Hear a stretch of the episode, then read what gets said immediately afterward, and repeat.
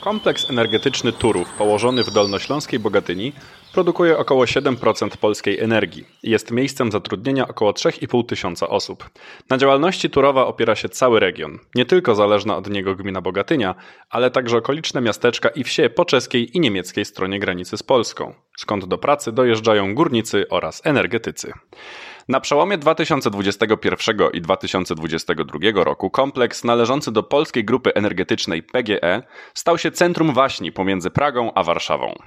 Czesi domagali się natychmiastowego wyłączenia kopalni, która miała mieć negatywny wpływ na wody gruntowe we wsiach po czeskiej stronie granicy. Polacy nie dostosowali się do żądania. Zdania nie zmienili nawet, gdy do gry włączył się Trybunał Sprawiedliwości Unii Europejskiej i nakazał Polsce wstrzymanie eksploatacji. Ostatecznie Warszawa i Praga porozumiały się w sprawie kopalni. Jednakże w obliczu zmian klimatu i nieuchronnej transformacji energetycznej przyszłość Turowa wciąż stoi pod znakiem zapytania. Jaki los czeka Bogatynię i jej mieszkańców? Jakie plany mają lokalne władze po polskiej i czeskiej stronie granicy? Co przewidują mieszkańcy i jak wygląda codzienność w tym nietypowym przemysłowym regionie Polski i Czech? Na wszystkie pytania odpowie ten reportaż, przygotowany przez dziennikarzy terenowych Euractiv Polska oraz Euractiv Czechy. Do Bogatyni i jej okolic udaliśmy się wraz z dziennikarką czeskiego oddziału sieci Euractiv, Barborą Pisztorową, na początku sierpnia. Na miejscu zastaliśmy sezon urlopowy, o którym jednak można było łatwo zapomnieć w cieniu plujących wciąż dymem kominów elektrowni PGE Turów, dobrze widocznych nad miastem. Kominami mieszkańcy Bogatyni określają właśnie państwową elektrownię, ponieważ jest to najbardziej charakterystyczny element krajobrazu okolic Bogatyni. To właśnie tam bije serce miasta, w którym praca wre non-stop. Sama elektrownia sprawia, że Bogatynia przypomina nieco polską wersję serialowego miasteczka Winden, w którym miejsce ma akcja serialu Dark. Krajobraz Winden zdominowany jest przez widok tamtejszej elektrowni jądrowej. Bogatynia położona jest w tak zwanym worku bogatyńskim, nietypowym ułożeniu granic pomiędzy Polską, Czechami a Niemcami. Granica Polski gwałtownie wysuwa się tam na południe, obejmując terytorium bogate w węgiel. Bogatynia to nieduże przemysłowe miasto. Znajdziemy w nim m.in. zadbaną i zrewitalizowaną reprezentacyjną uliczkę Aleję Żytawską, przy której stoją odrestaurowane domy w niemieckim stylu. Obok w korycie płynie mała rzeka Miedzianka. W 2010 roku w wyniku obfitych deszczów poważnie wylała, powodując powódź i duże zniszczenia w Bogatyni. Mieszkańcy miasta do tej pory pamiętają to wydarzenie i wspominają je jako traumatyczne. Centrum miasta wiedzie raczej spokojne życie. Znajdziemy tu bibliotekę miejską, park, dom kultury, ratusz, odnowiony budynek muzeum, służący niegdyś jako stacyjka kolejowa, supermarkety i nieduże przedsiębiorstwa. Przemysłowy charakter miasta podkreślają nazwy ulic, takie jak 1 Maja, Ignacego Daszyńskiego czy rury z ciepłą wodą, biegnące wzdłuż dróg. Wodę, jak wiele innych udogodnień w mieście, zapewnia właśnie PGE. Sama spółka państwowa jest obecna w przestrzeni wizualnej miasta. PGE sponsoruje wydarzenia kulturalne i imprezy masowe odbywające się w Bogatyni. Na słupach ogłoszeniowych wiszą afisze zachęcające do odwiedzenia imprezy sportowej czy obchodów Święta Wojska Polskiego, współorganizowanego właśnie przez PGE. Przedsiębiorstwo jest także ambasadorem Domu Kultury w Bogatyni, czego dowiedzieliśmy się w rozmowie z pracownicą ośrodka. Za Bogatynią, wzdłuż drogi biegnącej pomiędzy terenem kopalni a granicą z Czechami, usypywany jest wysoki wał, który ma zasłonić kopalnię narzekającym na jej obecność w krajobrazie Czechom oraz zatrzymywać hałas pracujących przy eksploatacji węgla maszyn. Na długim na ponad kilometr wale posadzonych ma zostać kilka tysięcy drzew. To efekt porozumienia ze stroną czeską z zeszłego roku. Umowa kończąca spór między Warszawą a Pragą obejmuje również budowę podziemnej zapory, mającej na celu uniemożliwienie wodom gruntowym ucieczkę z czeskiej strony granicy na teren wyrobiska kopalni. Z obecnie dostępnych danych wynika, że zapora teoretycznie działa. Wody gruntowe podniosły się po polskiej stronie granicy, jednak ich poziom po czeskiej nadal spada. Bogatynia stała się w ostatnim czasie ważnym miejscem na wyborczej mapie Polski. Rządząca krajem skrajnie prawicowa partia Prawo i Sprawiedliwość zorganizowała tu swoją konwencję, korzystając z miasta jak z symbolu swojej świętej wojny przeciwko Unii Europejskiej. Przypomnijmy, że ubiegłoroczny spór między Polską i Czechami o działalność kopalni Turów wszedł w pewnym momencie na szczebel europejski. Poza tym w Bogatyni nie widać więcej polskiej polityki. Na niektórych rynnach w centrum miasta wiszą wyblakłe wlepki o treści skrajnie prawicowej i rasistowskiej, na które jednak nikt z mieszkańców nie zwraca uwagi. Sami bogatynianie sprawiają wrażenie, jakby łączyło ich silne poczucie wspólnoty. Z pewnością zostało ono wzmocnione niedawnym sporem na arenie międzynarodowej. Choć nie kwapią się oni za bardzo do rozmowy z mediami, są przyjacielscy wobec przyjezdnych i osób zainteresowanych przykład podjęciem pracy w kopalni czy przeprowadzeniem się do miasta. Choć relacje z mieszkającymi tuż obok zagranicznymi sąsiadami zostały nieco napięte w ubiegłym roku, na mapach Google w oczy rzuca się przykład bogatyński bar według opinii klientów, który nie obsługuje Czechów. O mieszkańcach z zapołudniowej granicy mówi się ciepło, podobnie jak o Niemcach. Bogatynia utrzymuje relacje z niedalekimi regionami czeskimi i niemieckimi, a sami bogatynianie mówią o ich mieszkańcach jako serdecznych sąsiadach. Jeżeli na coś już narzekają, to na to, że Czesi często przyjeżdżają na duże zakupy do Bogatyni, gdzie żywność jest tania i często wyjeżdżają wykupiwszy znaczną część asortymentu. W okolicy miasta istnieją także różnice pomiędzy granicami dostrzegalne gołym okiem. Nad Bogatynią górują kominy elektrowni węgla brunatnego, a na wzgórzach po czeskiej i niemieckiej stronie granicy widok urozmaicają wiatraki oraz turbiny prądotwórcze. Mieszkańcy, pytanie o przyszłość miasta, odpowiadają ze spokojem, że nie martwią się o nią. Kopalnia i elektrownia, które są miejscami pracy większości bogatynian, w ich mniemaniu jeszcze przez lata się nie zamkną.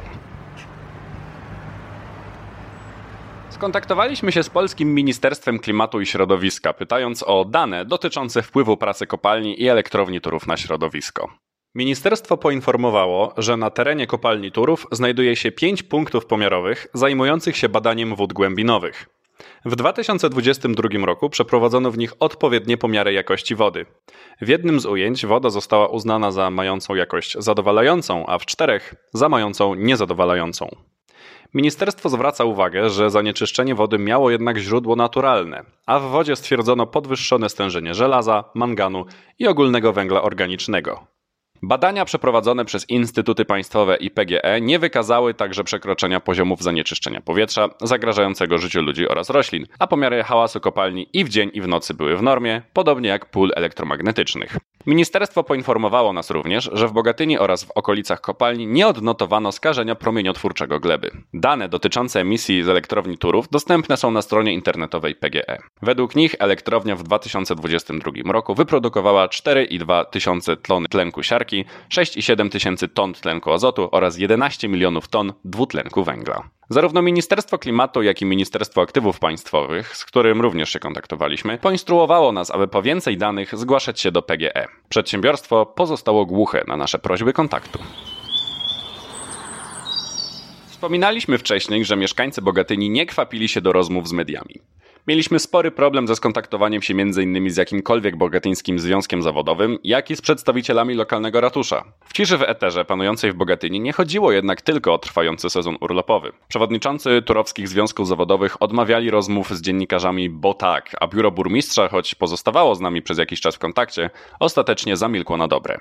Dziennikarskie przeczucie podpowiada, że bogatynianie przejęci sprawą swojej kopalni mogą za bardzo nie chcieć wypowiadać się w jej temacie, aby nie przykuwać uwagi nieprzychylnych ich miejscu zatrudnienia mediów czy organizacji w Polsce i za granicą. W końcu spór o na szczeblu europejskim miał miejsce zaledwie półtora roku temu. Jednakże liderowi jednego ze związków zawodowych działających przy Turowie wyrwało się w trakcie krótkiej rozmowy z nami, że dostali oni odgórny zakaz rozmawiania o kopalni i elektrowni z mediami. Na tematy związane z Bogatynią oficjalnie rozmawialiśmy więc tylko z pracownicami miejskich ośrodków kultury. Z pozostałymi mieszkańcami przeprowadziliśmy nieformalne i nienagrywane rozmowy. Najważniejsze, o co pytaliśmy mieszkańców miasta, to ich stosunek do przyszłości regionu w obliczu transformacji energetycznej. Zmiana charakteru systemu energetycznego Polski z węglowego na odnawialny lub atomowy wiązałby się z zamknięciem polskich elektrowni węglowych. Na to się na razie nie zapowiada, ale polska energetyka nie stoi w miejscu i ślimaczym tempem, ale jednak, goni inne państwa pod względem zielonej energetyki. Przez wysoki poziom zatrudnienia bogatynian w kompleksie Turów obawy o ich przyszłość nie są nieuzasadnione. Mieszkańcy miasta, z którymi udało nam się porozmawiać, starają się nie myśleć o kwestii zamknięcia kopalni lub uważają, że jeszcze wiele lat pozostanie ona otwarta centrum Bogatyni znajduje się biblioteka miejska. W środku zostaliśmy kilkoro czytelników i pracownic placówki. W tym samym budynku ulokowane jest ciasne biuro, w którym konsultant wyjaśnia zainteresowanym mieszkańcom zalety przydomowych odnawialnych źródeł energii. Nie był chętny do rozmowy. Udajemy się dalej w głąb placówki. Spotykamy tam pracownicę. Zapytaliśmy ją o to, jak widzi przyszłość Turowa i tym samym Bogatyni, w obliczu tego, że za kilka lat cały zakład może stać się niepotrzebny polskiej energetyce. Tak jak pan wspomniał, za wiele lat Czyli to I jeszcze taką nie jest. mamy nadzieję, że Jasne. za wiele lat. I o tym nie myślimy. Nie myślimy negatywnie, tylko zawsze pozytywnie. Spytaliśmy bibliotekarkę, czy jako placówka kulturalno-oświatowa podejmują jakąś współpracę z bibliotekami z Czech. Mm, W tym roku nie prowadziliśmy takiej współpracy. Jasne. A w poprzednich latach mm, jakieś akcje były? Tak, były różne, y, na przykład organizowaliśmy wspólne wystawy. Mhm. A coś się stało, że teraz Państwo nie organizowaliście, czy po prostu nie... Podczas pandemii jakoś tak ta współpraca Rozumiem. na moment zamarła i no nie została uruchomiona ponownie. Jeżeli tylko Czesi będą chcieli z nami współpracować, to nie widzimy żadnego problemu. Naprzeciwko biblioteki znajduje się Dom Kultury. Tam również odwiedziliśmy jedną z pracownic, która chciała z nami porozmawiać. Dowiedzieliśmy się sporo o bogatym życiu kulturalnym organizowanym dla bogatynian przez placówkę, także we współpracy z sąsiadami z zapołudniowej granicy. Robimy cykliczne też imprezy. To jest przegląd twórczości osób niepełnosprawnych, który jest e, imprezą coroczną. To jest e, przegląd e, w zasadzie festiwali mm, piosenkarzy dojrzałych. A oprócz tego to są festyny, które są łączone i to też są międzynarodowe współprace. Zapytaliśmy pracownicę o współpracę z PGE, której logo obecne było na wielu afiszach reklamujących różnego rodzaju eventy kulturalne w mieście. A, bardzo często pracujemy z PGA. Teraz PGA jest naszym ambasadorem.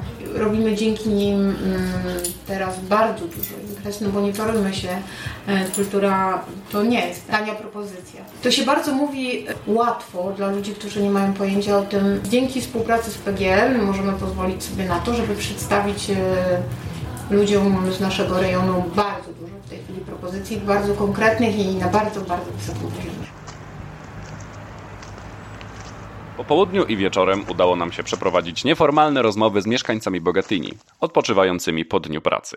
Jednym z nich był mężczyzna w średnim wieku, z którym porozmawialiśmy, podobnie jak z pracownicami kulturalnymi, o bogatyńskiej codzienności i niepewności co do jej przyszłości. Mężczyzna potwierdził, jak bardzo ważna dla bogatynian jest kopalnia i elektrownia Turów. Sam kiedyś pracował w elektrowni. Od trzech lat jest na emeryturze. Teraz w Turowie pracuje jego syn. Przyznał, że w Bogatyni zostają osoby będące zatrudnione przez PGE, a pozostałe często decydują się na wyjazd z miasta. Na podstawie swojego własnego doświadczenia mężczyzna ocenił, że praca kopalni i elektrowni napędza lokalny przemysł oraz jest bezpośrednim lub pośrednim źródłem zatrudnienia dla około 60 do 70 tysięcy ludzi. Mowa tu nie tylko o górnikach, ale także o pracownikach logistycznych, kierowcach, pracownikach biurowych, pracownikach zakładów wykonujących części i komponenty dla pracy kopalni, sprzątaczy, magazynierów itd. Energetyk wyjawił, że praca na kominach jest bardzo opłacalna. Stawki pracowników są bardzo wysokie, a do tego PGE zapewnia pracownikom bogate zaplecze socjalne, organizując na przykład atrakcyjne i tanie wakacje pracownicze w ośrodkach wypoczynkowych w różnych miejscach w Polsce. Mężczyzna uważa, że kopalnia i elektrownia nie zamkną się. Na pewno nie w ciągu najbliższych dekad. Stan rzeczy uzależnia jednak od wyników nadchodzących wyborów parlamentarnych. Słychać było, że jest zwolennikiem obecnego rządu, który sprzeciwił się nakazowi wyłączenia kopalni z eksploatacji. Mężczyzna opowiedział, że niedawno słyszał w radiu, że po ewentualnym zamknięciu kopalni na jej terytorium ma powstać duży zakład produkcji samochodów, mogący zatrudniać około 20 tysięcy osób. Miałaby to być alternatywa zatrudnienia dla kompleksu energetycznego. Jednakże w internecie trudno doszukać się informacji na ten temat. Wieczorem spotkaliśmy trójkę bogatynian siedzących w małym barze. To ciasne pomieszczenie, wystrojem przypominające minione lata 90. W środku można palić, z sufitu zwisają lepy na muchy, a napoje alkoholowe zaskakują niską ceną. Obsługa, starsza kobieta i mężczyzna, jest bardzo miła, co tylko dodaje lokalowi swojskości i luzu. Od przesiadujących w barze bogatynian dowiedziałem się, że nie wszystkim mieszkańcom miasta podoba się fakt, że ich mała ojczyzna została wybrana przez pisiorów jako polityczny bastion. Tyle policji, co tu było, jak PiS miało swój wiec, to nigdy nie widziałam. Mówi nam kobieta siedząca w lokalu. Kobieta za barem wyraziła negatywną opinię o rządzie, uznając, że za zeszłoroczny spór z Czechami odpowiada jego brak umiejętności politycznych. Trzeba działać dyplomacją, mówi paląc papierosa. Bogatynianie opowiedzieli więcej o ich stosunku do Czechów. Jest raczej pozytywny, a na pewno neutralny. Sąsiedzi są im tak bliscy, że w opowieściach nie sprawiają nawet wrażenia obcokrajowców, a raczej mieszkańców sąsiedniej miejscowości. Jedyny zarzut w stronę Czechów to ten, o którym już wspominaliśmy. Dotyczy wykupywania przez nich sklepowego asortymentu w Bogatyni, gdzie przyjeżdżają w związku z niskimi cenami. Pomiędzy dwiema kobietami w barze wywiązała się na ten temat rozmowa. Jedna z nich uznała, że doniesienia te są nieco wyolbrzymione. Bogatynianie polecili również podjęcie pracy w Turowie. Na kopalni biorą, zapewniali. Również dają do zrozumienia, że nie obawiają się o zamknięcie kompleksu PGE w najbliższym czasie. Gdyby to się zamknęło, to wszyscy wyjechaliby pracować za granicę, mówią. Usłyszeliśmy również kilka porad na jak najbardziej ekonomiczne życie w mieście. Mieszkanie po czeskiej stronie granicy we Frydlandzie, dojeżdżanie do pracy w Turowie z kimś znajomym autem lub busem, a raz w tygodniu odwiedzanie Polski na zakupy po okazjonalnych cenach. Bogatynianie opowiedzieli także o pracownikach z zagranicy mieszkających w mieście. W jednym z zakładów pracuje grupa około 30 Azerów, z którymi jednak w związku z różnicami kulturowymi trudno się porozumieć. Jedna z siedzących w barze kobiet zwróciła uwagę na ich niemiłe podejście do współpracownic, którego nie będzie tolerować. Ta sama osoba mówiła również o zatrudnionych w Turowie Ukraińcach. To porządne chłopaki, mówi, zaznaczając jednak, że znacznie bardziej pozytywną opinię ma na temat obywateli Ukrainy, którzy pracowali w Turowie jeszcze przed wybuchem wojny. Są tacy i tacy, jak w każdym narodzie, mówi stojąca za ladą barmanka. Cały następny dzień spędziliśmy w Czechach, gdzie redaktor Pisztorowa przejęła pałeczkę naszej dziennikarskiej wyprawy i przeprowadziła kilka interesujących wywiadów z przedstawicielami lokalnych władz, grup aktywistycznych oraz mieszkańcami okolic, którzy skarżyli się na problemy z wodami gruntowymi. Jej rozmowy wskazały, że Czesi także powątpiewają w umiejętności polityczne i sprawcze swojego rządu. Podczas gdy czeski rząd przedstawia rozstrzygnięcie sporu o kopalnię na drodze porozumienia jako zwycięstwo oraz chwali skuteczność podziemnej zapory budowanej w celu uniemożliwienia wodom gruntowym odpływu z Czech do wyrobiska Turowa, mieszkańcy pobliskich przygranicznych wsi informują, że obecna procedura nie przyniosła niczego dobrego. Mieszkańcom obiecano głównie dostęp do informacji na temat górnictwa i jego wpływu na środowisko, ale także pieniądze za rozstrzygnięcie sporów oraz budowę wodociągów w dotkniętych problemami z wodą gminach. Wody ciągle ubywa. Z roku na rok jest jej coraz mniej. Nikt się tu nawet nie przeprowadza, bo boi się, że zabraknie wody. Żyjemy w ciągłej niepewności. Mówi Kamil Kronus, mieszkaniec przygranicznych Wacławic, opierając się o bramkę przed domem. Od jego posesji do terenu kopalni Turów jest około 4 km w linii prostej. Kronus podkreślił, że dla mieszkańców przygranicznych wsi dotkniętych obecnością kopalni często niemożliwe jest nawet wyprowadzenie się z problematycznego regionu. Po tym, jak zainwestowali majątki w swoje posesje i domy. Istnieją jednak inne niż wodne, problematyczne dla Czechów aspekty działalności kopalni. No tak, jako ono to, ono, ale ten wrt, který jest jako Krajobraz tuż obok nas jest bardzo zniszczony. Wystarczy wejść na najmniejsze wzgórze, by zobaczyć 30-kilometrowe wyrobisko kopalni. Ma to istotne konsekwencje, na przykład na wartość nieruchomości. Wyjaśnił Milan Starec ze Stowarzyszenia Mieszkańców najbliższej kopalni czeskiej wsi, Uchelnej. To właśnie ich wieś ma najdotkliwiej odczuwać obecność odległej o 3 km kopalni. Jednocześnie mieszkańcy kwestionują budowę sieci wodociągowej, na którą, według Stareca, pieniądze wydzielone w ramach porozumienia między Polską a Czechami nie są wystarczające. Oczywiście ważne jest, aby budować te wodociągi. Z drugiej strony odpowiada za nie region, który nie był w stanie nawet wykorzystać w swoich obliczeniach aktualnych danych. Przyznane nam rekompensaty obliczono na podstawie danych z 2015 roku. Właśnie to krytykowaliśmy od samego początku. Przedstawiciele regionu zorganizowali dla nas jedynie małe sumy pieniędzy i uznali, że problem jest rozwiązany, ale nie byli nawet w stanie ustalić ich w odpowiedniej wysokości. Mówi starec. Hałas, który z daleka przypomina dźwięk przejeżdżających samochodów, jest również nieprzyjemny dla mieszkańców. Do tego nocą czeskim mieszkańcom przygranicznych regionów przeszkadza światło z bogatyńskich szklarni, które w nocy świeci nad miastem. Czesi zwracają również uwagę, że przy badaniu wpływu kopalni na środowisko sprawdza się głównie to, czy wody gruntowe nie przenikają przez podziemną zaporę z czeskiej strony na stronę kopalni. Pomijane ma być badanie tego, czy woda nie spływa do wyrobiska Turowa w innym miejscu pod ziemią. E, Umowa o zabezpieczeniu wód gruntowych dotyczy studni, które znajdują się wzdłuż bariery, która ma chronić wodę po czeskiej stronie. Ale została ona zbudowana z pierwotnym zamiarem ochrony kopalni przed napływającą wodą a nie jako środek zabezpieczenia wód po czeskiej stronie. Powiedziała Anna Ksirowa, lekarka, przedstawicielka miasta Liberec oraz założycielka inicjatywy Rodice za Klima Liberec. Kobieta wskazuje, że pomiary wysokości wód gruntowych po czeskiej stronie nie są rzetelne w związku z pobieraniem danych jedynie w okolicy podziemnej zapory. Dominika Pospiszylowa z Wydziału Prasowego Czeskiego Ministerstwa Środowiska oraz przedstawiciele Czeskiej Służby Geologicznej wielokrotnie odpowiadali na twierdzenie, że nawet w pełni funkcjonująca zapora podziemna nie chroni wody na terytorium Czech. Nie można teraz określić, kiedy i czy wpływ obecności zapory będzie odczuwalny również na terytorium Czech. Z punktu widzenia wpływu kopalni Turów na czeskie grunty, fatalny błąd wystąpił w latach 80., kiedy Polska przeciążyła tzw. Tak uskok południkowy, co spowodowało obniżenie poziomu wód gruntowych w głębokich warstwach o 50 metrów do 1991 roku, mówi Pospiszylowa. Poziom wód gruntowych spada od 40 lat. W każdym razie ich wzrost będzie stopniowy i objawi się z opóźnieniem w bardziej odległych studniach, czyli także na terytorium Czech. W związku z tym nie można oczekiwać, że poziomy znacznie wzrosną w ciągu jednego roku, dodaje. Jednocześnie, zdaniem przedstawicieli czeskich regionów przygranicznych, zawarcie umowy z Polską stanowiło jedyne możliwe rozwiązanie sporu, które miało przynieść konkretne rezultaty w najbliższej przyszłości. Tak ty opatření z pohledu měření to już są všechny. Po raz pierwszy w historii wydobycia węgla w Turowie towarzyszący kopalni pył jest mierzony w sposób ciągły. Hałas jest mierzony zgodnie z normami czeskimi, nie polskimi, które są mniej rygorystyczne. Mierzone jest również osiadanie gruntu. To kolejna kwestia, którą nigdy się nie zajmowano. Na budynkach instalowane są też zestawy pomiarowe, aby sprawdzić, czy niektóre domy nie pękają. Odpowiadał wojewoda liberecki Martin Puta na pytanie redaktor Pisztorowej podczas spotkania w Libercu.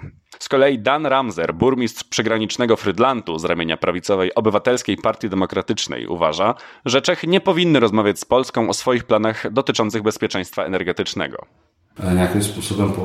Kiedy Polska też pracuje nad tym, żeby zapewnić sobie samowystarczalność energetyczną, jest to tym bardziej całkowicie uzasadnione. Wyjaśnił nam, podczas gdy kuranty ratusza we Frydlancie wybiły godzinę pierwszą. Według Ramzera strona czeska nie powinna jednak lekceważyć znaczenia Turowa jako pracodawcy dla także czeskich mieszkańców i tego, jak ważna jest dla mieszkańców Bogatyni. Przyszłość mieszkańców Bogatyni to nie tylko problem strony polskiej. Choć wpływ na bezpośrednie sąsiedztwo kopalni najbardziej widoczny jest po stronie czeskiej, nad Bogatynią i okolicami wciąż ciąży wspomniana wielokrotnie kwestia transformacji. Jeśli węgiel będzie tam nadal wydobywany, to tylko opóźni to, co i tak w końcu się wydarzy. Innymi słowy, węgiel się skończy. Ludzie i tak stracą pracę, a Polacy stracą zasoby, które są teraz dostępne i mogą być wykorzystane, aby przekształcić cały region. Mówi Ksirowa. Podczas gdy pieniądze z Funduszu Sprawiedliwej Transformacji płyną do innych regionów, które w przeszłości lub nawet obecnie są w dużej mierze uzależnione od górnictwa, powiat zgorzelecki, w którym znajduje się Turów, nie otrzyma dotacji. Powodem jest właśnie planowana kontynuacja wydobycia węgla do 2044 roku. Jednocześnie transformacja powinna nastąpić zarówno w sposobie postrzegania zatrudnienia i jego dostępności w regionach górniczych, jak i w samej energetyce oraz dostępności jej zasobów. I to przed rokiem 2030. Istniała ogromna szansa na współpracę transgraniczną między Czechami, Niemcami i Polską, która mogłaby przekształcić cały region, wzmacniając jego więzi ale zamiast tego utrzymaliśmy niezadowalający stan i sprzedaliśmy nasze, niemieckie i polskie środowisko z korzyścią dla interesów politycznych obecnych partii rządzących w Czechach i Polsce. Mówi Krzyrowa. Zgadza się z tym Wacław Żidek, radny Liberca do spraw środowiska i rolnictwa. To znamená... To jest problem Bogatyni i problem zarówno niemieckiej Żytawy, jak i Frydlandu czy Grudka nad Nysą. Nie da się tego rozdzielić.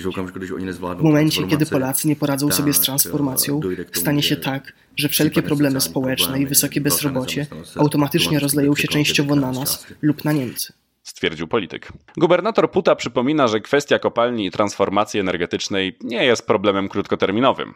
Według niego perspektywy na konieczne do podjęcia kroki wybiegają na wiele lat do przodu, podobnie jak jednak na wiele dekad wstecz sięga historia górnictwa w przygranicznym regionie. Tak Węgiel wydobywa się tam od 80 lat i ludzie, którzy przynieśli się tam w ostatnich latach, dobrze wiedzieli, że zamieszkują w miejscu, gdzie znajduje się kopalnia i elektrownia. Sytuacja jak na razie stoi więc w miejscu, pomimo pewnych znamion postępu. Wody po czeskiej stronie jak nie było, tak nie ma.